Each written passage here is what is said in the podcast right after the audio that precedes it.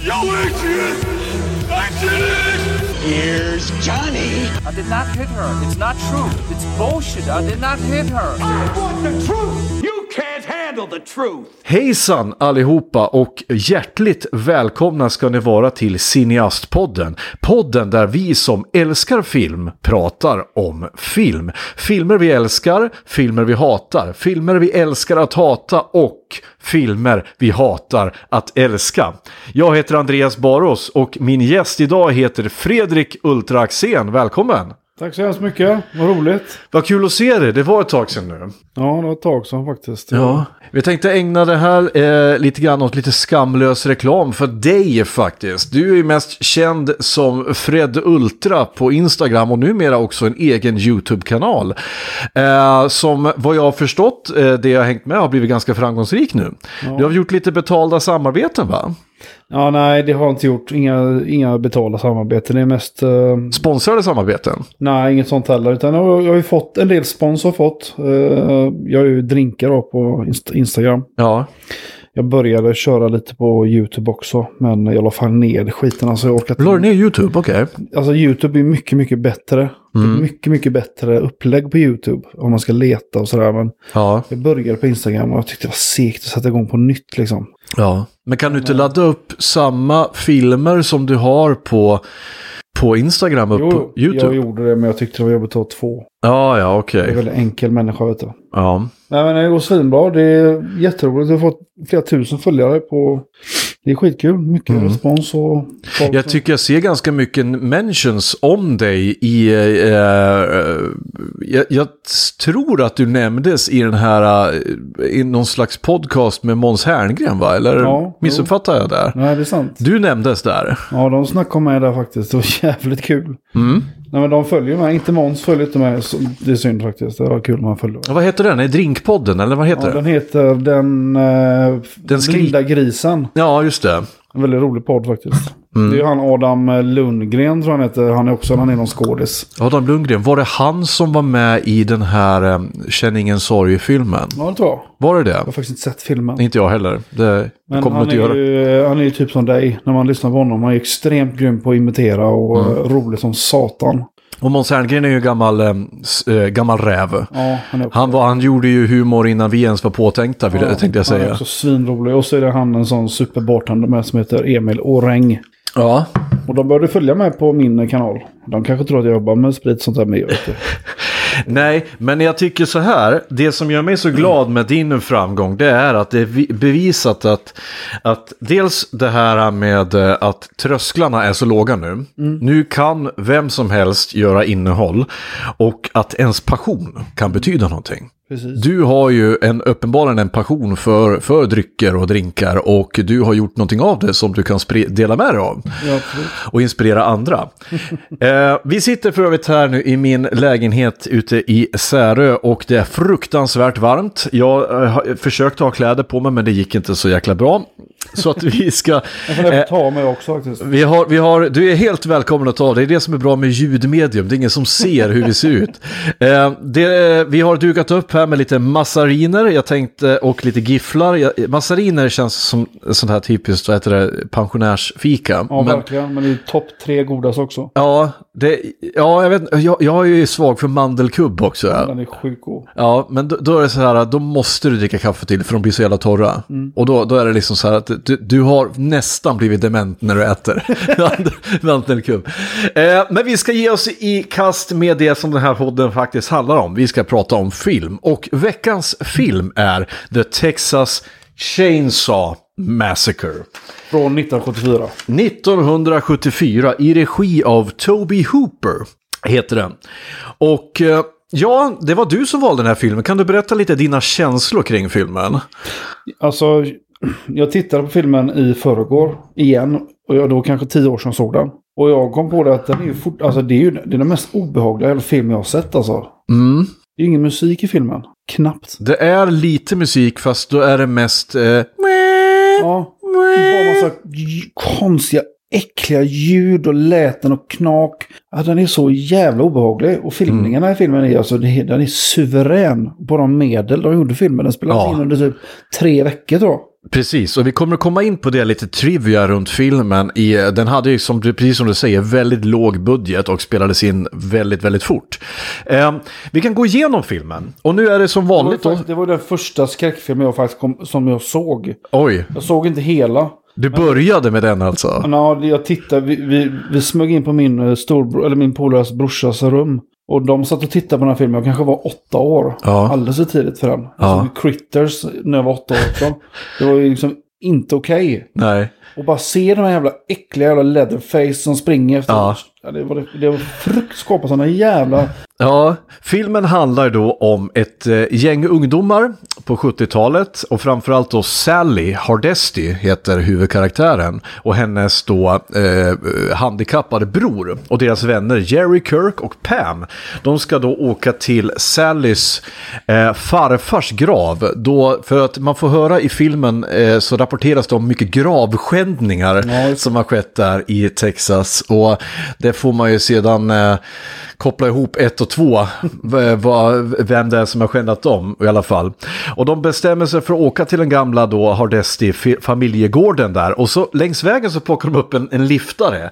Och här är det första, nej vi kan säga så här, det här är inte det första weird som händer i filmen, det första weird som händer i filmen det är att filmen börjar alltså med en textremsa Ja, just det. och en, eh, en narrator, en berättarröst som berättar om att eh, följande som ni ska få se nu är en verklig händelse. Och det är det ju inte. Det är ju inte en verklig händelse. Men när den är gjord på ett så pass bra sätt att det känns som det skulle kunna vara verk, eh, ett verkligt verkligen. händelse. Eh, där de då beskriver eh, att eh, de, de, de överlevande har berättat om det de fick vara med om den här dagen och det som vi skulle kalla då för The Texas Chainsaw Massacre. Eh, och sen så börjar det med någon slags, det mörker och sen kommer några så snabba fotoblixtar. Ja, och det gamla polaroidljudet. Ja. Är det någon sån här? Och sen, sen, sen då eh, de här ljudeffekterna. just det. Och så är det närbilder på typ tänder och fötter, ruttet kött. Och sen zoomar de ut till någon jävla, vad jag, vad jag eh, tolkade som en fågelskrämma. Ja. Men, fast det är ju ett lik. det är ju ett riktigt ruttet lik som sitter på en traktor eller någonting. Ja, det är så jävla vidrigt. I alla fall då, de, är- de här ungdomarna de plockar upp en liftare. Och den här liftaren är ju weird som fan. Eh, han, eh, han sitter och, och berättar om att de, eh, han och hans familj en gång jobbade på det gamla slakteriet som nu är nedlagt. Och att eh, den här bultpistolen som man numera använder för att avliva kossor är inte alls lika bra som att slå dem i huvudet med en, med en slägga. Hans farfar är så jävla grym på att göra brain, vad är det han kallar det för? The licking. The, Takes just two licks. Bash the brains in. He once did 60 in a, in a minute. Eller five minutes eller något sådär. Alltså, ehm, men han börjar bete sig lite ännu märkligare den här liftaren. Och eh, han skär sig i handen med en kniv. Ja, just det. Eh, och sen så... Jävligt- Undrar varför. Jag vet inte. Han, men han sitter ju och, och typ rycker i hela kroppen liksom. Och typ... Yeah, yeah. Och så säger han, ska du följa med hem till gården, följ med hem till gården, följ med hem till gården. Och det, det fattar man att den här killen är ju inte liksom, den här killen vill man inte ha i bilen. Eh, sen tar han en bild på då den här um, handikappade killen, Franklin, och då vill han sälja bilden nu. You can pay me now. Liksom. det. Och då vägrar de det. Då eldar han upp eh, den där eh, eh, bilden istället och sen så tar... Ja, och sen så tar han sin rakkniv och börjar, börjar skära på, på, på folk i, I bilen. i bilen. Och det bara liksom, det bara spårar fullständigt. Till slut får kasta de av honom. Och det här la jag märke till också då, när, vi, när jag såg den, att de kastar av honom från bilen. Ja. Och sen så skriver han någonting Jag på bilen. Med, med, med, med sitt blod. Ja. Och jag, jag funderade på, eh, för jag tyckte att det här hade jag inte- jag noterat förrän jag såg den nu. Jag har säkert sett den 15 gånger, men jag tänkte inte på det. Han, är det ett C han skriver? Fan, det är konstigt tecken här. För jag tänkte att det var ett C så att det skulle betyda cattle. Att, det skulle vara, att han skulle märka den. För senare så kommer de ju... Som boskap eller? Ja, precis. För senare så kommer eh, den här bilen kör ju in på en mack. Och den macken ägs ju av, av en som också tillhör den här psycho-familjen. Och jag tänkte att det här är så här de jobbar. slemmig jävla typ den alltså. Ja, och jag tänkte att det är så här de jobbar, den här familjen, att när de ska hitta sina offer, att de har den här killen, han är först ut och spanar, och när han har hittat en, en bra, ett bra mål så märker han deras bil, så de vet vem de ska... Jaha, jag har tänkt på det. Det, det, så funderade jag på, men det kanske bara är, jag har inte fått någon förklaring på det. Ehm, I alla fall då så, så kommer de till en liten mack där de frågar om de kan få, få ehm, eh, få bensin. Men då visar det sig att det finns ingen bensin på den här macken utan de väntar på tankbilen. Och det är som sagt, det står en slemmig jävla typ där och, och säger att men ni, ni kan vänta här tills, tills ikväll så, så kommer det. Men det har de inte lust med. Så, utan de, de drar iväg mot sin farfars gård. Eh, de hittar, den gården är ju totalt sönderfallen liksom. Men de går upp på en liten, en liten rundtur i huset. Och det är här någonstans som jag, som jag vet det, inser hur mycket jag avskyr den här uh, handikappade killen. För att han är så jävla störig. Han, Störig, ja. han kommer inte in överallt så han börjar sitta och munprutta med, med, med eh, liksom. Och jag bara, och då börjar jag säga, för att det, det framgår inte om han är utvecklingsstörd. Utan att han bara är förlamad. Men han är skitgnällig och störig hela tiden. Ja, jag tror inte han är utvecklingsstörd. Han är bara förlamad. Ja, Och så har han en sån gammal, gammal värdelös rullstol också. ja Som precis. Bara i sjukhus, på sjukhusen bara. Ja, men jag, jag, jag tycker den ser ut som en sån här typisk, direkt ifrån eh, Jökboet liksom. Exakt. För så här insane asylum. eh, I alla fall då, här går Pam och Kirk, två av ungdomarna, ska eh, gå iväg och bada lite grann. Och på vägen till, till eh, sjön så ser de ett annat hus. Och då så hör de en generator som låter där. Och så knallar de dit och tänker att ja, men vi, kan ju, vi kan ju fråga om vi kan få köpa lite bensin av dem. Men eh, redan när de kommer in på den här gården, då är det så här, nu vet ju vi det här i efterhand, men här skulle ju alla överlevnadsinstinkter för mig ha slagit in i alla fall. Att det står så här utbrända bilar på gården, det liksom hänger så här rostade muggar i träden, sö- sönderslitna eh, vet du det, typ lakan som hänger och vajar i vinden. Alla varningsklockor ringer. Ja, och jag tänkte på en sak när jag, när jag tänker på den här filmen, hur, hur, liksom, hur den är dekorerad och hur alla scener är skjutna, liksom, alla shots. Att det, är liksom, det ligger hela tiden en sån här gammal grainy look över filmen. Har du tänkt på det? Att det ser ut som en så här, det ser ut som någonting du fick se på NO'n i skolan. Tänkte du på det? Ja. Och det, det, det, det, jag tänker liksom att man hela tiden, jag känner liksom lukten av allt ruttet och värmen, hettan, all rost och skit genom bildrutan. Hur som helst då, Kirk han bestämmer sig, han knackar på dörren, får inget svar men bestämmer sig för att gå in i huset. Och det är Det är liksom... också jävligt märkligt. Han bara går in. Ja, ja men precis. Liksom, inga normala människor gör ju så, men det här är, det här är en, en trope. Nu har det, alltså en trope brukar man säga, det är en sån här klyscha som de gör i alla filmer. Men den här filmen kom ju så pass tidigt, så att eh, det är svårt att säga om tropen kom här eller om den har kommit efter den här filmen. I alla fall, han kliver in i, i huset och eh, är på väg att gå ut igen, men då hör han en gris grymta, eller så här squeal. Och längst bort i korridoren så ser han ett litet, litet rum med massa ben eh, och typ fjädrar på väggen och han går mot den. Och plötsligt ur det rummet så dök, dyker då filmens stora hjälte eh, ut. Leather. Leatherface, som vid det här namnet hade då, han hade ju inget namn, han hette ju bara då Leatherface, men det fick ju visa sig att han har ju faktiskt ett namn. Och vad fan han heter? Han heter Thomas Sawyer. Nej, han heter, nej förlåt, Jedediah Sawyer heter han. Där, och hela familjen då är Sawyer-familjen. Eh, och då ska man säga, det har ju alltså, det har gjorts två olika varianter här. Vi kommer komma in på det när vi pratar trivia sen. Men Leatherface dunkar honom rakt i ansiktet med en så här... Så han bara klappar till han i bakhuvudet så han bara lägger så spa, spasmer. Ja, eller framhuvudet va? Ja, det han, han tittar ja, mot oss, mot rakt mot tinningen. tinningen. Det är Och- så jävla verklig den scenen. Ja, och, liksom, och sen, och sen ett, ett extra slag sen för att han ska sluta eh, ruska liksom. Och det är liksom verkligen som att han, allt det här de pratade om tidigare med att hur de avlivar kor, det, har, det kommer ju liksom igen nu. Här har de gjort en så kallad foreshadowing, vad som kommer att hända. Och han släpar in honom och sen är han borta liksom. Varpå då Pam Och han drar ju för den där äckliga dörren också. Ja, just ja. Och det tänkte jag på. Det, det har ju blivit liksom min, uh, vad ska man säga, go-to när jag ska beskriva ett, eh, så säga, om, jag ska, om jag ska bygga mitt eget House of Horrors, då måste jag ha en sån här tung plåtdörr som man kan dra åt sidan. Smäller igen. Jävla våldsam är han. Ja. Eh, och sen kommer ju då Pam, eh, Kirks pojkvän, och letar efter honom. Han, han ropar Kirk, Kirk, var är det någonstans?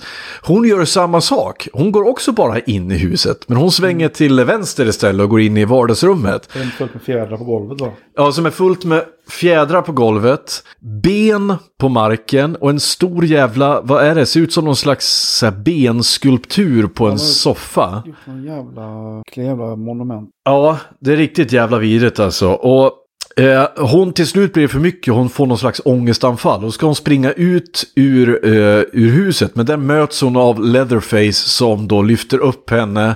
Och också drar in henne i det här rummet då. Som visar sig vara någon slags kök tror jag.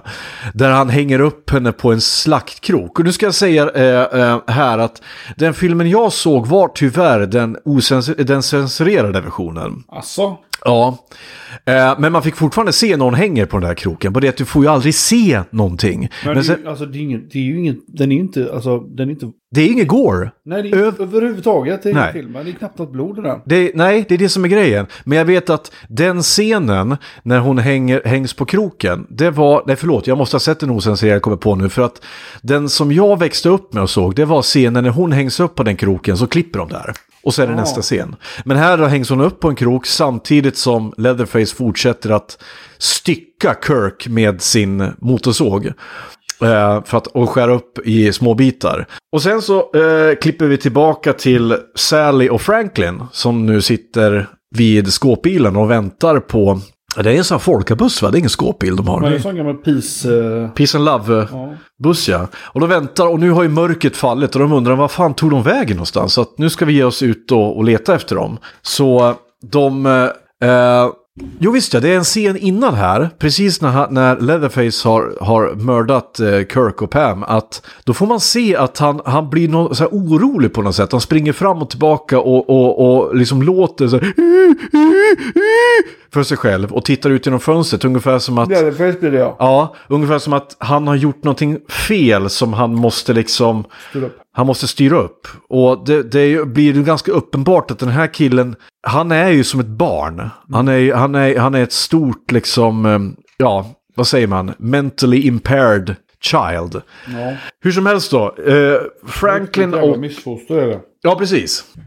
Franklin och, och Sally eh, ger sig ut, och, ut i mörkret. Nu är det alltså kolsvart ute. De har en liten ficklampa och hon måste skjutsa honom via med rullstolen. Och så ser de ett ljus lite längre fram och helt plötsligt så hör de ett ljud av, av en motor. Och helt plötsligt så dyker Leatherface upp från ingenstans och dödar Franklin i sin rullstol med sin Just det, motorsåg. han sågar honom i, tärnar upp honom. Ja, typ. Och återigen, här får du inte heller se någonting. Jag, jag blev liksom, jag tänkte på det, du får inte en blodsdroppe. Ingenting, du bara vet att det händer. Det som gör den så läskig, det är ju Sallys skrik. Ja. För att hon, hon, hon, måste, hon skulle egentligen kunna ha fått en, och hade funnits en kategori för bästa skrik hade hon fått det. För att jävlar vad hon skriker. Men om inte hon och Shelley Duvall från The Shining var typ nominerade till något bästa skrik det året. Och, eh, läste jag. Och Jamie Lee Curtis Just det. från Halloween. Just det. I alla fall om det var sådana här typ, eh, vet det, skräckgalor. I alla fall då, Sally, bör, eller, Sally börjar springa och jagas av Leatherface. Hon tar sig in i det närmsta huset, för det visar sig vara den här um, Psycho-gården då. Springer upp för trapporna, där, där möts hon då av två stycken typ förtorkade mumier som sitter... Ja. Som hon, och så får hon panik. Men får man reda på vilka fan det är? Det någon sån här släktingar bara de har typ förklarat? Ja, men det är typ farmor och farfar som sitter där uppe. Och det visar ju sig senare att farfar är ju faktiskt vid liv, trots att han ser ut som en jävla mumie. Ja. Hon hoppar ut genom fönstret eh, och springer. Och den här jakten tyckte jag var så jävla... eh, Jag, jag tänkte på jävla obehaglig för att hon springer ju för glatta livet. Och så kommer den här stora jävla... Så berget av kött liksom Ja, bakom henne. Och han ser ju hela tiden ut att vara typ två meter bakom henne. Filmningarna är ju så jävla äckliga också. Ja, Och hon kommer hela vägen fram till den här bensinmacken som hon springer in. Där möts hon av den här slemmiga mackägaren. Eh, som säger åt henne, men lugna ner dig, lugna ner dig så hämtar jag, eh, hämtar jag bilen liksom. Så här, det, allting, everything's gonna be fine, You're, you don't have to worry. Och sen kommer han in med en jävla säck och, och rep Ja, och säger... ja, Men du måste, ja, du måste förstå att jag ska knyta dig.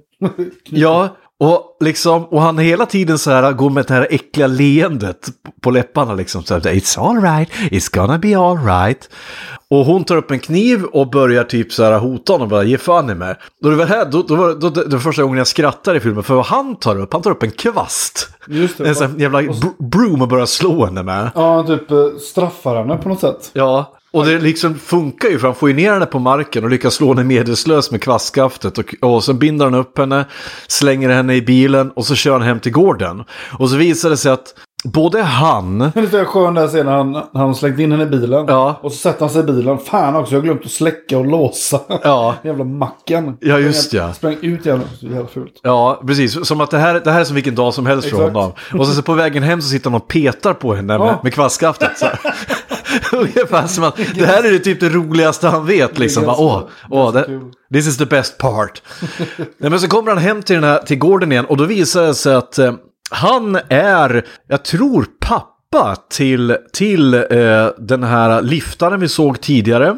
Och Leatherface själv, att de två är bröder. Och de är oerhört respekt för honom ju. Ja, och han då skäller ut eh, Leatherface och liksom så bara, nu har du gjort bort dig, nu har du gjort bort dig här liksom så här för att fick du ta på de andra ungarna? Ja, ja, okej, bra. Leatherface visar att de, att de ligger i frysboxen här allihopa. Ja, Okej, vad bra. Då ska vi bara ta hand om den här tjejen liksom. Och det här tycker jag som filmen för mig blir riktigt jävla äcklig. Alltså nu, nu, det här är, jag har sagt tidigare och det här är ju min absolut värsta mardröm. Att vara som Sally blir några eh, minuter senare när hon vaknar upp fastbunden i en stol i, uh, vid ett middagsbord. Och där de här tre psykorna sitter. Och hon är den enda friska människan där. Och de, för dem är det här helt normalt. Och de, eh, de, hon skriker ju, alltså hon, det är så många sådana här Inzoomningar. inzoomningar på hennes ögon och hennes skrik. Och, allt, alltså, och det, det är konstant panik alltså. Det är verkligen det är ett av de liksom, bästa, tycker jag, ångestvrålen jag någonsin har hört. Ja, det är helt otroligt det. Eh, men de kommer i alla fall överens om att så här, vi, ja, ja, det finns, vi har inget val, vi måste ju mörda henne liksom. För att så här, eh, liksom, eh, för, ja, för att, eh, ja, det är så det är. That's the rules liksom. Och det visar sig väl, tror jag, att de dessutom är kannibaler va. De äter ju Ja, sina offer. ja, men det får man ju liksom lista ut själv. För det är samma där, man får inte se någonting. Nej, men eh, då visar det sig att den här äldre brors, eller pappan då, han tycker inte om det här med själva mördandet. Det tycker han är lite jobbigt. Så att han säger bara, ah, det får ni ta hand om. Men då får den yngre, den yngre brodern får en idé. Och han bara, att vi, vi ger henne till farfar. Farfar är den bästa slaktaren liksom. Och farfar visar sig då vara den här mumien som satt uppe på, på ovanvåningen. Så de tar ner honom. Eh, Jag kan inte hjälpa att störa mig fortfarande lite på hur han ser ut. Alltså? Om han hade ett grönt ansikte. Jo, jo, men det är och- återigen, här tror jag budgeten Ja. spelar in väldigt mycket. De hade liksom inte råd, de fick dra på någon sån här, någon sån här mask du kan köpa på Buttericks liksom. Och sen så skiter de till den lite grann och knöt åt den lite. För jag tror inte att han rör en enda muskel i ansiktet. Det funkar liksom inte. Just ja, de, de låter farfar suga på hennes finger. Och så han får suga blod ur hennes finger. Så, så att han, Då får han lite liv. de får lite liv i Och så är sig. det ljudet. Ja, Ja, det är så jävla äckligt. Och sen så, då tar de fram henne och, hon- och då den här äldre pappan säger liksom bara, bara Åh, det kommer att gå över fort. Det är liksom, han är bäst, det kommer inte krävas mer än ett slag liksom. Men det visar sig att far, farfar kan ju knappt hålla i den där jävla eh, hammaren, han tappar den han. Så han får väl in en två, tre smällar tror jag i huvudet eh, Ja. på henne. Men sen så tänker de att nej, nej, nu, nu, det här, nu orkar vi inte med något mer av det här. Liksom. Så den yngre brorsan, liftaren, han eh, säger jag tar över. Så släpper han henne för en sekund och då lyckas hon precis resa sig upp och springa, hoppa ut genom fönster, fönstret och nu är det gryning. Hon springer av bara helvete ut mot vägen och eh, efter henne kommer den här liftaren, så springer och liksom viftar med sin jävla rakkniv. Ja, och han typ, latchar bara med henne. va? Han Ja, ju bara. Precis. Och sen kommer Leatherface också med sin springandes. Med, med motorsågen ja. Men då kommer precis en lastbil. Och lastbilen kör över eh, liftaren. liftarbrorsan. Medans, eh, och, och Sally försöker komma in och få hjälp av chauffören då. Och Leatherface springer, springer in, eh, eller kommer runt bilen och börjar såga på, på väggen. Den här, och, eller dörren till lastbilen. Lastbilschauffören hoppar ut ur bilen och tar med sig en stor jävla skiftnyckel. Mm. Och de springer runt bilen och uh, Leatherface är efter dem och typ en meter ifrån så vänder sig lastbilschauffören om och slänger den här ehm, skiftnyckeln rakt i pallet Han på Leatherface. Vad sa du? Ja, precis. Han ramlar omkull och så tappar motorsågen på benet och sågar sig själv. Och sen så eh, kommer en till, kommer en pickup på vägen där. Lastbilschauffören springer åt ena hållet, Sally hoppar upp på tak, flaket på pickupen och åker iväg. Och Leatherface hinner Ja, eh, missar henne precis och blir kvar. Och så avslutas allting med att Leatherface i ren frustration gör en liten motorsågsdans Ja, ute på... Hon skrattar hysteriskt. Ja, det, hon gråtskrattar. Jag vet inte vad det är, men det är, det är nog precis den känslan jag skulle ha haft om jag Ja, precis hade kommit undan. En jävla skådespelare hon måste vara. Ja. Och där är filmen eh, över. Och, och det, jag tycker att de avslutar filmen så jävla bra också. Du får inte veta någonting vad som har hänt. Nej. Utan det är bara klipp, pang. Svinbra ju. Utan man får ju räkna ut lite grann vad som har hänt här nu då. Eh, det är några saker som jag, eh, vet du, som jag eh, noterade i filmen. Det är att Leatherface har ju, tänkte du på det, att han har flera olika masker? Han har tre masker va? Tre masker vad jag eh, kunde se i alla fall. Den första masken man ser är, är en mask av människohud. Just det. Eh, typ så här, ihopsydd, där man ser hans tänder Det rakt den igenom det. mest, det är den äckligaste masken. Ja, det är, en, det är en jätteäcklig mask. Och sen så har han en till mask som ser ut som en kvinna. Ja. Med läppstift och rouge och allting på. Den tror jag inte är gjord av hud, utan den ser ut som en tygbit. Ja. Som bara är gjord. Ja, och det verkar som att han, eh, och det, det tolkar jag som att han har olika personligheter. Att han, att han, när han har den masken på sig, då är han mamma i huset. Då är det han som typ lagar mat och, och städar och sånt där. Och när han tar på sig eh, människo... Har den tredje masken? Är det vid matbordet där? När de ska sitta och... Nej, då har han ju mammamasken på sig. okej. Eh, Det har han. Precis. Och jag tror att han, jag, jag vet, alltså jag, jag kan bara komma på två masker. Men det sägs att han ska ha tre olika masker i den här filmen. Ja, I alla fall. jag kan också komma, bara komma på två. Ja, och just det, vad hade jag skrivit mer här? Farfar suger fingret skrev jag med utropstecken. För att som sagt det är så jävla, alltså, vad, vad, är det bästa ordet för disturbing? Obehagligt. Obehagligt, ja. Hel, det ligger liksom en obehaglig känsla över hela filmen. Eh, eh, för allt ifrån som öppningen av filmen till de, avsaknaden av musik till den här uh, grainy looken av filmen. Och, och att man nästan kan känna lukten och hettan rakt igenom filmduken liksom. Vad, vad har du för minnen av den här filmen förutom att när du var, hur gammal var du när du såg den första gången? Ja, jag, såg som sagt bara kanske tio minuter. Ja, men det, det jag minns, för då såg jag när han sågade isär den här stackars rullstolskillen. Ja. Men mitt minne av den här filmen var ju då att jag fick ju se alltihop. Att han så, det blev ju sån här... eh, Man har sett någonting som inte har skett. Ja. Men då, i mitt minne var ju att han hade sågat isär och man fick se att han bara låg där i delar. Men så, det var ju absolut så som hände. Mandela-effekten ja. Ja, just det. Men den... eh, Men sen, det skapar ju mer så här. Sen köpte jag filmen vet jag när det var DVD-dags. Det var en av de första skräck... Eller en av de första DVD-erna jag köpt faktiskt. Mm.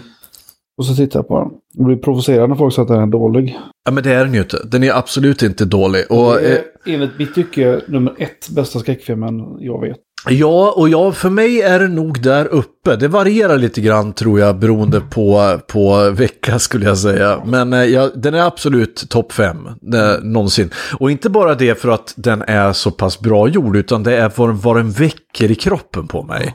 Det är den här, den här skräcken som, som satte sig. Som sagt, skräcken att vara den enda friska personen i ett rum med psykon.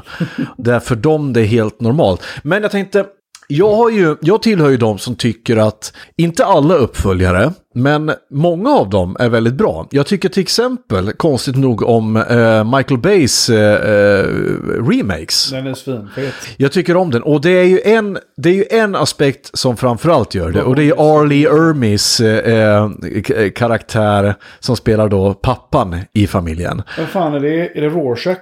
R. Lermy, nej det är han som spelar eh, Gunnery Sergeant Hartman i Full Metal Åh, Jacket. det är så jävla vidrig. Ja, och, han, eh, och han, då, han gör det så jävla bra därför att han är så jävla otäck. Och han, han eh, liksom genomsyrar ju auktoritet. Ja, verkligen. Och så är han ju en southern man, born and raised. Så att man tar ju honom på allvar där. Men sen tycker jag... lyckades Han är faktiskt Michael Bay. Han har inte gjort många bra filmer. Nej. Men den, var, den är riktigt fet. Jag tror dock han inte regisserar den, utan att han bara producerar den. Men de här gamla uppföljarna har inte sett. Jag har, jag har faktiskt inte sett dem. De, Ja, det har jag sett allihopa faktiskt. Så jag kan, gå igenom, komedier, jag kan gå igenom li- lite snabbt. Eh, eh, nummer två, det, där har vi Dennis Hopper, eh, spelar då en galen sheriff. Och Bill Mosley. Bill Mosley, precis. Eh, där Dennis Hopper spelar en galen sheriff vars bror blev mördade av den här familjen. Och nu är han ute på efter revenge. Och det slutar med att Dennis Hopper eh, har dubbla motorsågar och har en supermotorsågsfight tillsammans med Leatherface i slutet av filmen. Och den, där, gick, där gjorde Toby Hooper precis tvärtom. Han bara körde ren jävla komedi. För den är väl allt annat än oblodig va? Den är väldigt mycket... Ja, ja, det är super, den är supergore. Och där är det ju, där är det, som sagt, där, där gick han ju full comedy. I tredje filmen, Men där, det är ju Gunnar. Hansen är inte med som Leatherface i den va? Eh, Gunnar Hansen, Ja. eh, tror inte det. Men jag ska inte, jag har inte tagit gift på det för att jag har inte gjort research eh, på dem. Eh, jag tror inte det för att Gunnar Hansen, han kom tillbaka senare i filmen eh, som heter Texas Chainsaw 3D. Eh, som är då filmen som, eh, eh, det kom bara ut för några år sedan, 2015 kan det ha varit det? Eller ännu tidigare kanske. Med Alexandra Daddario i huvudrollen, där hon, som ska då vara en direkt uppföljare till första filmen. Där man får se eh, att direkt efter att den här tjejen kom undan eh, så går, åker hon till närmaste polisstation, berättar vad som har hänt och sen åker en lynchmobb ut till eh, det här huset och lynchar allihopa. En bra film. Eh, den har fått väldigt dåligt rykte. Jag tycker dock personligen att det är en helt okej uppföljare. Det, men problemet är att när den kom så var det här med 3D var en jävla gimmick som de skulle använda. Så att det var... えっ? Det är en skittöntig titel. fel forum. För Ja, jag skulle, bara, jag skulle ha gjort om den till Texas Chainsaw och så sen säg år, årtalet, 2015 eller vad fan det var. Det, hade- då hade den passat bra. Då visade det sig att de brände ner huset och sen så var det en i den här Sawyer-familjen då som visade sig vara större än vad vi trodde. Eh, som har fått en liten bebis och då skjuter de föräldrarna och tar bebisen och adopterar den. Och sen växer den här bebisen upp då till Alexandra Daddarios karaktär och visar sig att hon får ärva den här gamla gården. Som har brunnit ner till grunden. Men källaren bevarades fortfarande och där har då Jedediah Sawyer bott i alla dessa år. Han har bott bakom en tung plåtdörr där och blivit, mat, blivit matad av sin gamla farmor. Men då visar det sig att den här, de här, den här gamla lynchmobben fortfarande lever kvar i, i de som var skyldiga för att döda hennes, hennes släkt. Eh, Fan vad sugen jag blir på scenen. jag tycker du ska se den, för att jag, eh, den har sina poänger och den är, den, det är väldigt mycket slakthus och det är väldigt mycket gore. Och, och eh, då är då Gunnar Hansen är med i en liten cameo-roll som då eh, den äldsta Sawyer-gubben. Och han tar till och med har en replik så man får höra honom prata. Mm. Alltså han är dessutom. inte som Leatherface då? Utan... Nej, nej. Nej, okej. Utan eh, de har en annan som Leatherface då. För Han dog väl eh, typ 2016? Ja, han dog ganska kort därefter den här filmen spelades in. Men i, i, i övriga Texas Chainsaw-filmer så finns då filmen Texas Chainsaw 3 som heter Leatherface. Och då, då är det en remake. Ja, och det är då en remake på första filmen som är mycket, mycket sämre. Men då är han, eh, jag vet att eh, då är Bill Mosley tillbaka igen tror jag. Och... Det var Eh, lite han. Jag har som sagt inte sett filmen, bara läst på de här uh, Udda Ting, eh, eller lyssnat på Udda Ting om den här filmen. ja. Han gör väl en jävla roll där. eh. Han gör ju en karaktär som heter Chop Top. Ja. Som är en, en kille som har en, han har en så här, eh, han påminner väldigt mycket i maneret om den här liftaren första filmen, väldigt ryckig och, och äckliga tänder och sånt där. Sen har han en liten en järnplatta i huvudet. Som sticker ut genom, genom, han har ingen hud där. Så går man och petar på den med en stålgalge och mm, äter lite så här hudflagor och så här. Det är så jävla freaky.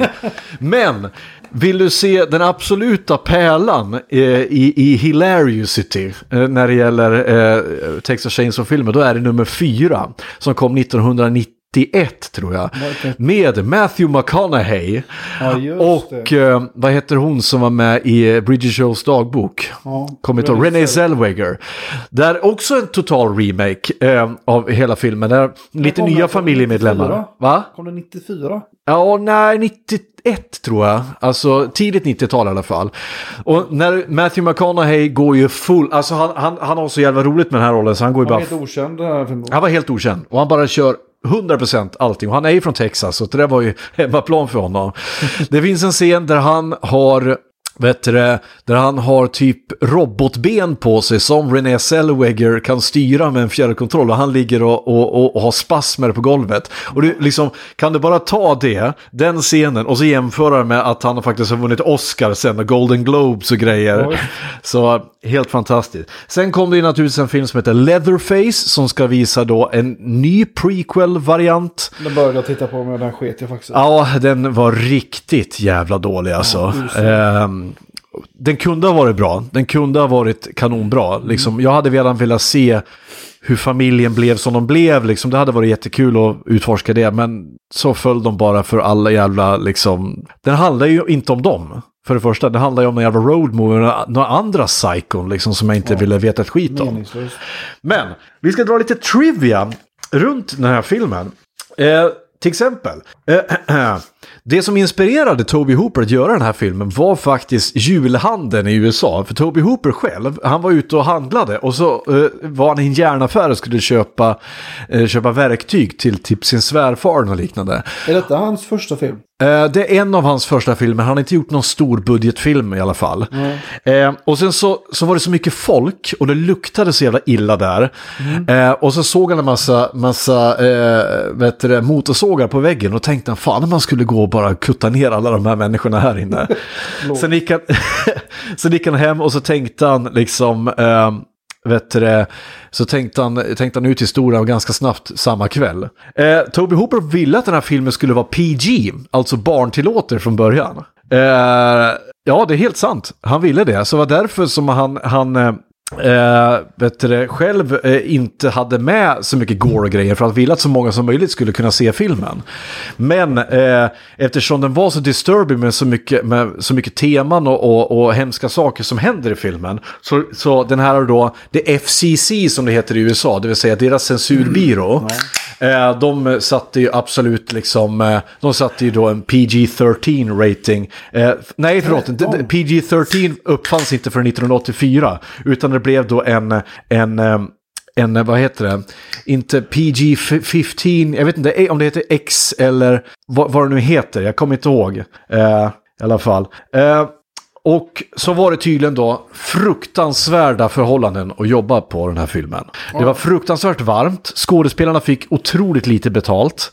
Fick de något betalt? De fick betalt, Det var absolut. väl maffian som hade kom som... De fick väl... Tjänade väl ingenting på den här filmen? va? Ja, De spelade upp typ så här 800 000 sin egen budget och... Vad heter galna summor den spelade in.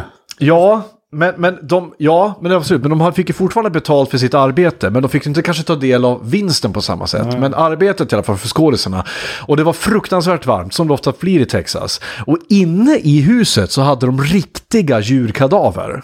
Och du kan ju tänka dig hur de luktar när de har legat i värme och ruttnat. Så att flugorna vi ser på filmen, det är riktiga flugor av ruttet kött liksom. Och den här... Jag läste att eh, Gunnar eller Leatherface, han, eh, han bytte till t-shirt på tre veckor. Han hade samma, t-shirt på sig under hela inspelningen. Ja. Han luktade rent helvete också. Ja, det är alldeles riktigt. Och i en scen till exempel, i den här berömda då, eh, middagsscenen. Hela den scenen spelades in under en dag. Eh, knappt utan pauser för de hade så tajt inspelningsschema. Eh, och en scen där, så, så, så skar den här scenen när, hon- när Han skar henne på riktigt. han skar henne på riktigt. Den här scenen när, när farfar ska suga blod. Och det är för att de hade fått gjort så många omtagningar. Och så hade de en liten, egentligen så hade de ett gummifinger som de skulle skära i och så trycka på så skulle det pulsera blod. Men det kom inget. Det kom, det, den krånglade så mycket och alla var så frustrerade och så, så, så varma och arga hela tiden. Och med tanke på hur dåligt betalt de fick och hur, hur tajt det var så var allas humör var liksom, mm. alla hade jättekort stubin. Så till slut så tröttnade Gunnar Hansen och bara skar henne direkt för att få ut blod på riktigt så de kunde göra klart scenen. Vilket då hon Marilyn Burns som spelade Sally eh, har, har bekräftat i efterhand liksom och sagt att jag, jag var okej med det för jag ville också få slut på scenen. Ed Neal som spelade liftaren. Han, han, han eh, gick in så mycket i sin roll och tyckte att det var så roligt att spela den så att när filmen sen gick upp på bio så brukar han åka runt på visningar på biografen och sätta sig i publiken. Och så brukar han skrämma folk i publiken genom att eh, knappa dem, eh, så att, eh, knacka dem på axeln och, tit- och titta rakt i ansiktet i samma liksom, skägg och frisyr och allting. Och han, han tyckte det var asroligt. Eh, just det, nu ska vi se, här står det faktiskt i trivian att eh, eh, han har en, en eh, han har faktiskt tre masker i filmen. Eh, Leatherface. Han har en, en mask i större delen av filmen. Det är den här lädermasken av människohud. Då. Sen har han en till mask när, när han gör mat, när han håller på och fixar maten. Det ser vi dock inte så mycket av, vi ser den bara från sidan. Och så har han en tredje mask när städtanten. städtanten när han sitter och äter Ja, eh, vet det, middag. Då. Eh, nu ska vi se. Eh, filmen var, är ju, de flesta känner till att filmen är inspirerad av Ed Gein. Som var en, eh, eh, faktiskt inte en seriemördare som många tror. Han mördade faktiskt två personer, det gjorde han. Men vad brukar man säga, det måste vara tre personer för att vara en, serie, en seriemördare. Men framförallt var han gravskändare. Eh, och han brukade då gräva upp gravar och så leka med liken och gjorde lampor och han gjorde kläder och allt möjligt av, av liken. Med bälte av bröstvårtor. Ja, bland annat till exempel. Men inte bara det, utan eh, Hooper själv har berättat att, att han blev inspirerad av en kille som han kände, en kille som gick på läkarprogrammet.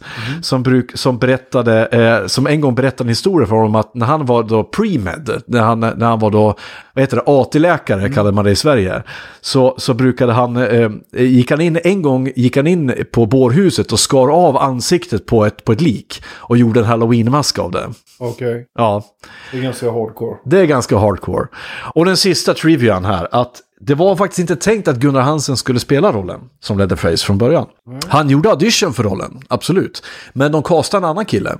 Men den här andra killen, han blev så full dagen innan inspelning så att han vägrade, eh, han vägrade att komma till inspelning för han var så bakis. Då ringde de upp Gunnar Hansen och frågade, är det fortfarande eh, är det fortfarande available så att säga liksom? Och han sa absolut, jag kommer ut direkt. Så då åkte han ut. Det var tur det. Ja, och Gunnar Hansen är ju då, nu ska jag se om jag kan översätta det här i, i svenska mått, men 6.4, 1,93. 1,93 lång ungefär. Och Hade han väl klackar på sig va? Typ Ja. 10 centimeters klackar. ja, precis. Eh, och tre, nej, cowboy boots hade han. Cowboy boots med klackar. Så att han växte väl kanske 5 centimeter eller någonting på det. Men så vägde han 300, 300 pounds. Och 300, det är väl 100, 50 kilo typ. Ja. Så att eh, han var ju en massiv jävel. Och jag kan säga det, jag har faktiskt sett Gunnar Hansen i verkligheten. Jag med. På sci-fi-mässan i, i Göteborg. Ja, det. Och det var ett av de sista framträdandena han faktiskt gjorde. Det här kan ha varit 2013, tror jag det kan ha varit. Gick du fram och betalade för en autograf? Nej, jag gjorde inte det för att jag, jag var där med Mira då nämligen, min dotter. Och då var vi där och då var det med Star Wars och sånt där. Han Och... inte helt olik George Lucas sagt på håll. Nej, det är sant. Han var väldigt stor och skägg och stort hår liksom. Men han var ju, han var ju massiv redan som gammal gubbe liksom. Svinstor. Eh, och jävligt eh, skrämmande. Men, slutbetyg. Texas Chainsaw Massacre. Jag kan ju säga det att det är ju, jag håller med dig, det är en av de absolut bästa skräckfilmerna som någonsin har gjorts, kanske topp fem. För mig på underhållningsskalan och på skräckskalan så är det en solid 9 av 10. Vad säger du? Ja, 10 av 10. 10 av 10. Lätt. Den bästa du någonsin har sett. Bästa skräckfilmen lätt. Okej. Jag tycker det. Jag, så- jag har inte hittat någon som är bättre. fall. Har ni som lyssnar någon annan Klart, åsikt? Om jag ger betyget 10 av 10 då kan jag aldrig ge någon... Jo, det kan du visst göra. Ja, okej. Det kan du visst göra. En film, alltså 10 av 10. Jag tycker ju betygssystemet handlar ju om känslan du får i kroppen. Ser du ingenting, ser du ing... jag, jag kan ju säga så här. Det jag saknar från filmen är ju mer gore. Då hade det blivit en 10. Ja. Det, så, så att för mig kan det inte bli full pott för att det är för många saker jag saknar. filmen? Den är typ 1,19 eller något sånt. Ja, den är, väl, den är inte alls lång alltså. Och det tycker jag är bra. Det är för att alldeles för många filmer nu för tiden är alldeles för långa. En och en halv timme brukar de säga är magiska, det absolut magiska eh, numret för en film. Eh, men det där har de dragit ut nu. Nu är ju filmer liksom så här Avengers och så här. Fem timmar långa liksom. Det är svinjobbigt. Ja, och då ska de fan med liksom göra rätt för den, den tiden. Då ska det fan vara intressant hela tiden också. Ja, Men, ja, eh, i alla fall till alla er som, som lyssnar. Om ni har någon annan åsikt eller fler trivia eller om jag, har- om jag har fått någonting helt fel här så skriv det i kommentarerna eller hör av er på, på DM. Nu, mina damer och herrar, har det blivit dags för veckans topp 5. Lista. Topp 5. Topp 5. Veckans topp 5. Och veckans topplista är min lista. Och veckans eh, ämne är topp fem filmer som fått mig att må dåligt lustigt. Jag tänkte också ta det. Alltså, Ja. men det är, det är helt okej att, att, eh, att, du, att man tar samma lista fast är olika avsnitt kanske. Ja, jag har inte den. Har- Nej. Eh, och då tänker jag att det är bara så att, då menar jag fysiskt dåligt. Filmer, filmer, som, får, filmer som får mig att må psykiskt eller fysiskt dåligt. Eh, och, och det finns liksom lite olika sätt man kan må dåligt på. Det kommer jag komma in på. Eh, på femte plats, Brain Dead. Peter Jacksons eh, eh, film, eh, om, en nyzeeländska film om en eh, farmor, mormor, mamma som blir eh, biten av en, av en liten zombierotta och förvandlas och börjar brida en zombie-apokalyps nere i Wellington. Eh, och det var en... Jag kan säga så här, varför den här är på min, på min lista är för att när jag såg den så var jag typ 12. Och jag minns så väl att jag hade aldrig sett något liknande hela mitt liv. Nej, det så inte. mycket blod, så mycket tarmar och så mycket gore som flyger åt alla håll. Så jag fick alltså fysiskt ont i magen när jag såg filmen. Men det var inte så att jag, jag fick mardrömmar och så, utan jag bara, jag bara mådde illa av filmen. Kommer du ihåg den? Oh, jag har ju sett den. Det är en av mina favoritfilmer. Mm. Alltså Brain Dead. Jag får in dem inte. Och det enda jag mår dåligt av är han, han äter det där örat som Ja, just tar i det. hans custard. Ja, här vaniljsåsen där. Ja, den är ju asrolig. Ja, men, det, ja, men absolut. Och det är ju... Det, när man var som sagt 12 bast, det ryktades som att man fick spypåsar på bio, biograferna som Ja. delades ut. ja, men det skulle inte förvåna mig. Och Peter Jackson, det har man ju märkt i alla hans andra filmer också. Meet the Feebles eh, och eh, i Bad Taste. Att det är mycket spyor. Jag tycker Bad Taste och Brain Dead är, är under, underhållsvärdet bättre än Sagan om ringen alltså. Ja, alltså... Alltså Sagan om ringen är ju, är ju, en, är ju en dramatisk upplevelse. Som Det är ju, också gjort. det, det, det, ja, precis. Det är en dramatisk upplevelse som man, som man känner någonting helt annat för. Men rent skratt, rent ha roligt så är Brain Dead och Bad Taste fantastiska. för jag sitter ju och garvar. Men jag, kommer, jag tänker scenen i Bad Taste också när de är på något möte så skickar de ut en skål som alla spyr i och dricker ur. Alltså det är också så här...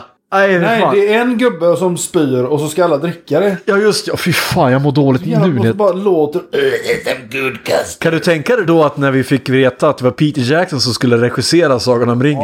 Ja, helt sjukt. Vad folk trodde liksom. Undrar hur han fick det förtroendet. Ja, men det var inte bara förtroende, han köpte rättigheterna. Han var- hade tjänat så pass mycket pengar så han lyckades köpa loss rättigheterna. Och sen bara satt han på dem tills han tyckte att tekniken var, var eh, långt gången nog liksom. Han har gjort en råskön film också med eh, Michael J. Fox. The Frighteners. Ja. ja.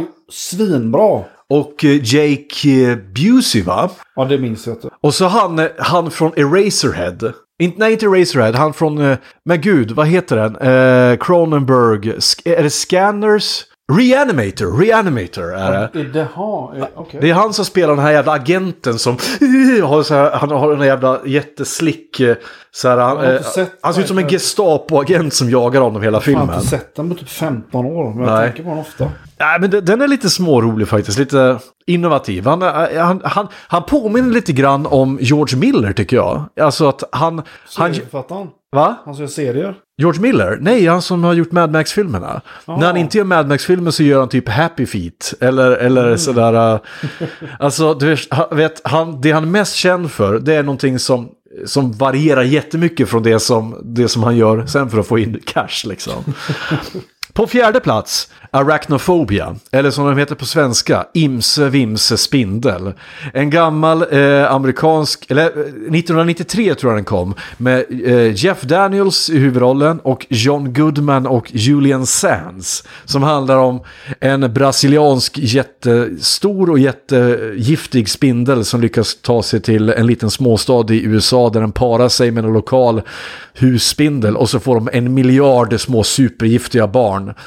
Och varför jag mår dåligt när jag ser den här filmen för att det var den som grundlade min spindelfobi. Många andra. Ja, det är, mycket, det är många liksom, det är många närbilder på spindlarnas ögon, på deras små äckliga käftar. Det är... eh, När eh, John Goodman trampar på en spindel så bara är det sån en meter lång slem. Ja, just ja. Och John Goodman är, han, är, han, är, han går omkring och bara är en skön sån här, vet du, det, exterminator. Och så ska han ju gå och förklara för Julian Sands då, som spelar någon spindeleffekt att jag har, jag har påträffat en av spindlarna. Ja, vart är den? Well, it's under my shoe. Så tar han fram den så eh, Nej, men den tycker, jag, den tycker jag förtjänar en plats på listan med tanke på hur gammal jag var när jag såg den. Sju, åtta kanske?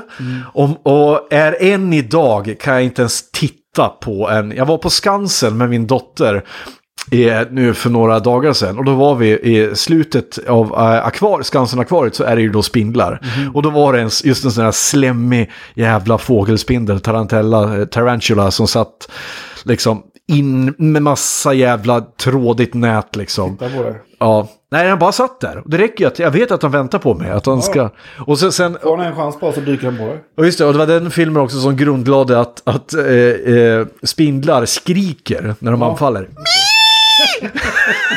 På plats nummer tre, Peter Jacksons King Kong. Och det finns en scen som, som, som med gjorde det. Och det är precis, det är scenen när de ramlar ner i någon jävla lerpöl. Och det dyker upp en jävla massa insekter och det är, det är maskar och det är typ tusenfotingar och allt möjligt som, som käkar upp de här människorna levande. Och jag vet att, eh, vad heter han då?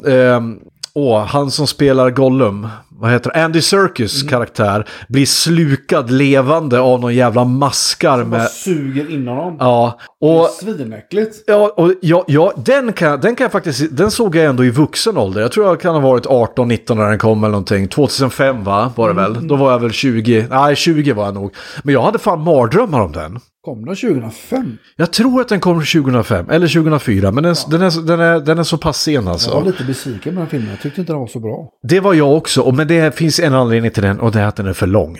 Så jävla lång ja! Den är minst en timme för lång i alla fall. Dinosaurier med, jag vet inte fattar nog varför. Jo, det ska jag förklara. Det är för att Peter Jackson ville inte göra en, han ville inte bara göra en hommage till den original King Kong-filmen utan även till den eh, andra stumfilmen The Lost World. Jaha. Som, eh, som också var en stumfilm där just eh, de kommer till en ö där dinosaurierna fortfarande lever och så vidare.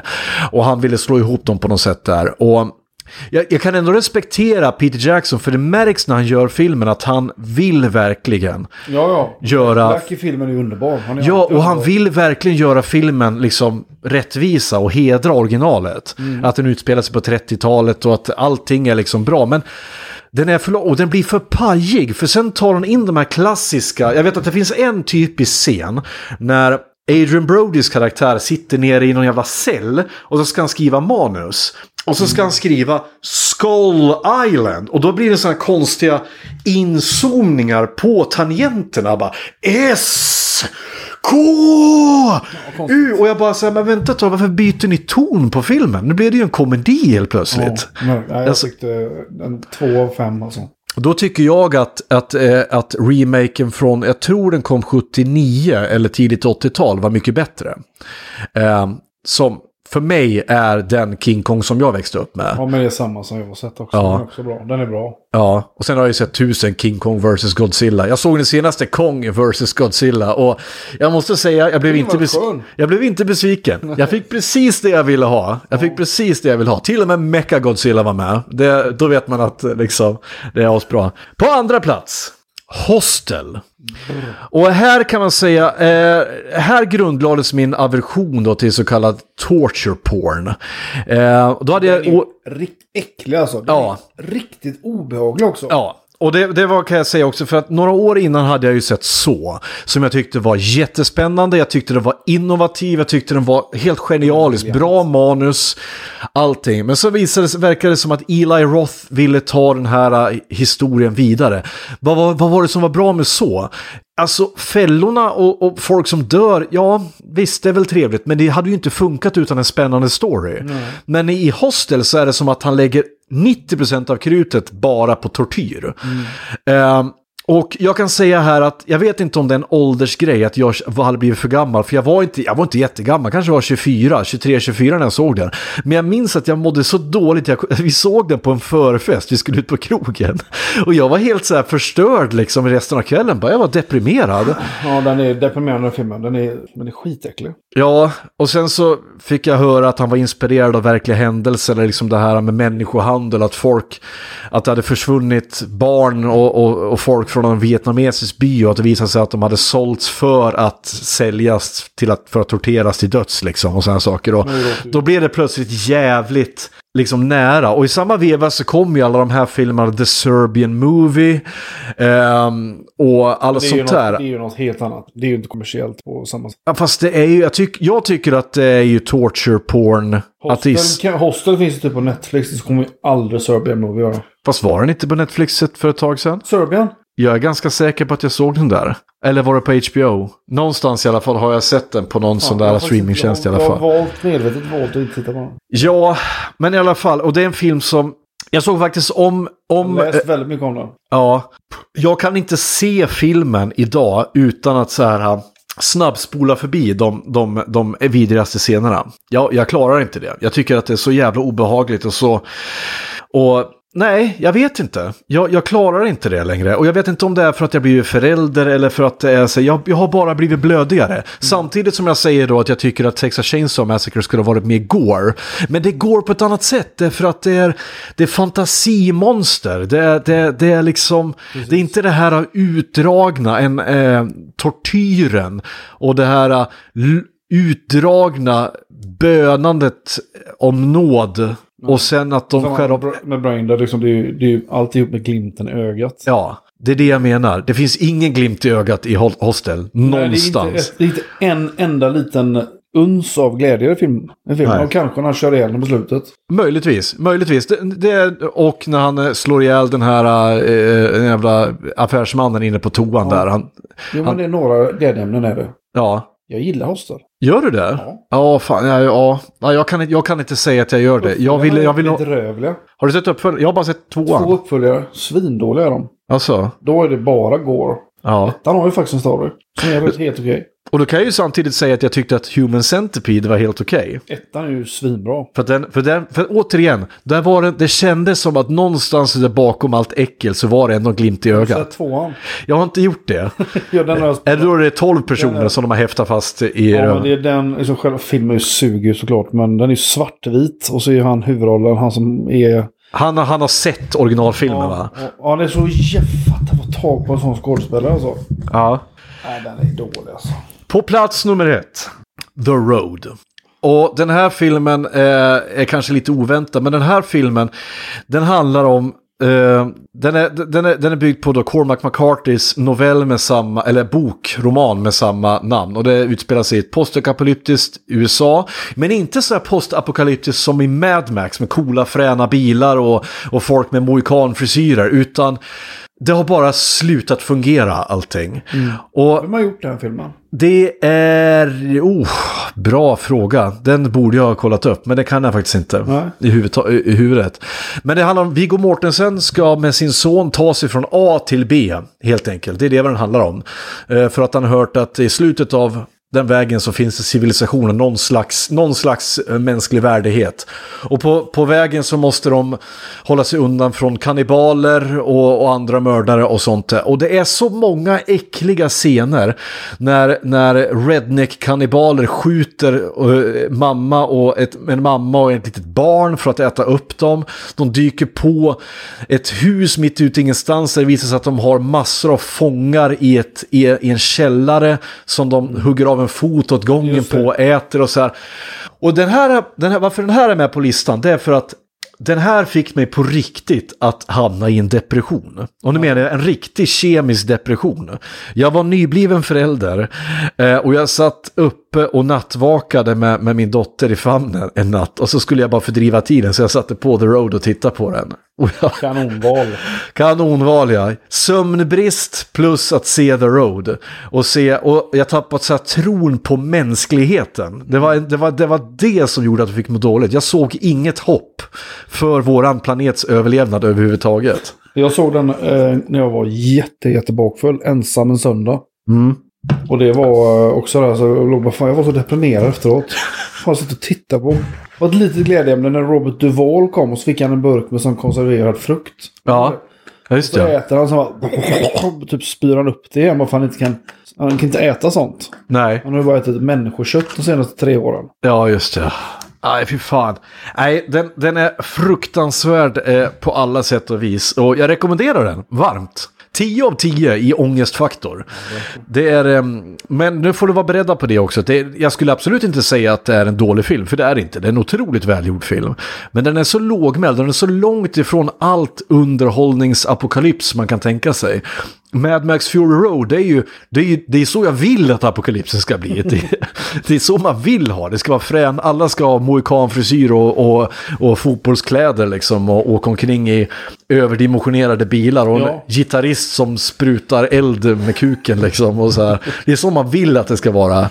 Jag trodde att du skulle ha med en annan film faktiskt. eh, Som är en av de filmerna som jag har mått sämst av. Oj, låt höra. Irreversible.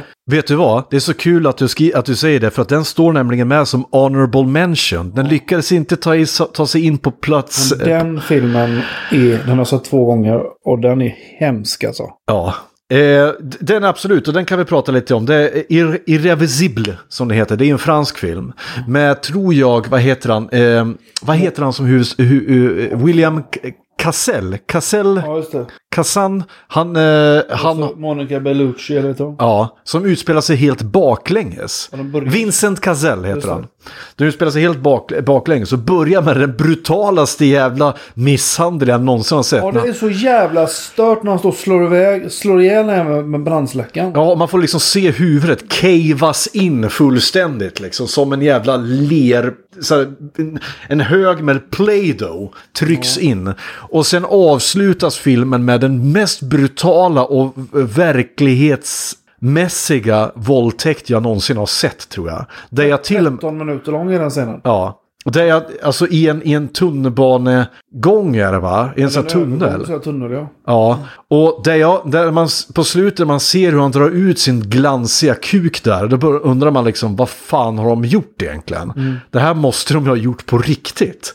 Ja, det är helt sjukt. Men han våldtog henne i stjärtis också. Ja, och är den är fruktansvärd. Eh, men fransmännen är bra på det här med att göra obehagliga filmer. För det var en till jag hade med som honorable mention. Det var filmen Martyrs. Ja, den har jag också sett. Eh, som handlar om en, en sekt som vill upptäcka eh, livet bakom döden. Och då har de kommit på ett sätt genom att tortera en människa så pass mycket så att de känner så mycket smärta. att de precis i dödsögonblicket kan man se efterlivet i deras ögon. Och Logiskt. Och det är, det är ju liksom, det är ju en och en halv timme, nästan två timmar ren tortyr. De, så de pissar på en tjej, slår henne, sparkar henne, torterar henne med alla jävla möjliga verktyg de hittar. Till slut flår henne. Eh, och sen så kommer det en massa jävla kärringar och gubbar och tittar på en flodd kvinna och så står de bara och tittar lite grann och så. Nej, äh, den är så jävla bisarr filmen alltså. Men absolut sevärd. Slutet är ganska... kan- Vi kan ju, vi kan ju spoila. Vi kan ju spoila. Spoiler alert. Men i slutet går hon in till den här flodda kvinnan. Ja. Och så viskar hon någonting i örat på henne. Och så går hon ut och så skjuter hon sig själv i huvudet. Ja, men det tolkar jag som att hon har fått reda på hur efterlivet ser ut. Ja, du vill gå dit liksom. Och att hon vill dit, precis. eh, det var då eh, min topp 5-lista den här veckan. Topp 5 filmer som fått mig att må dåligt. Eh, vill ni ha tips om fler filmer om ni vill må riktigt dåligt så skriv gärna till oss i kommentarerna eller skicka DM. Men detta har nu varit allt vi hinner med det här avsnittet. Detta har varit Cineastpodden. Vi finns på Facebook, vi finns på Instagram och vi har förmodligen när det här sänds dessutom en Patreon. Eh, så ni kan skänka pengar om ni tycker att det här verkar kul. Tack så hemskt mycket för att du kom Fredrik. Tack så mycket, vad roligt va? Du är hemskt välkommen tillbaka. Och till alla lyssnare så säger jag, vi hörs igen nästa vecka. Hej då! Hej. Friend. Yo, Adrian! Adrian! Here's Johnny. I did not hit her. It's not true. It's bullshit. I did not hit her. I want the truth. You can't handle the truth.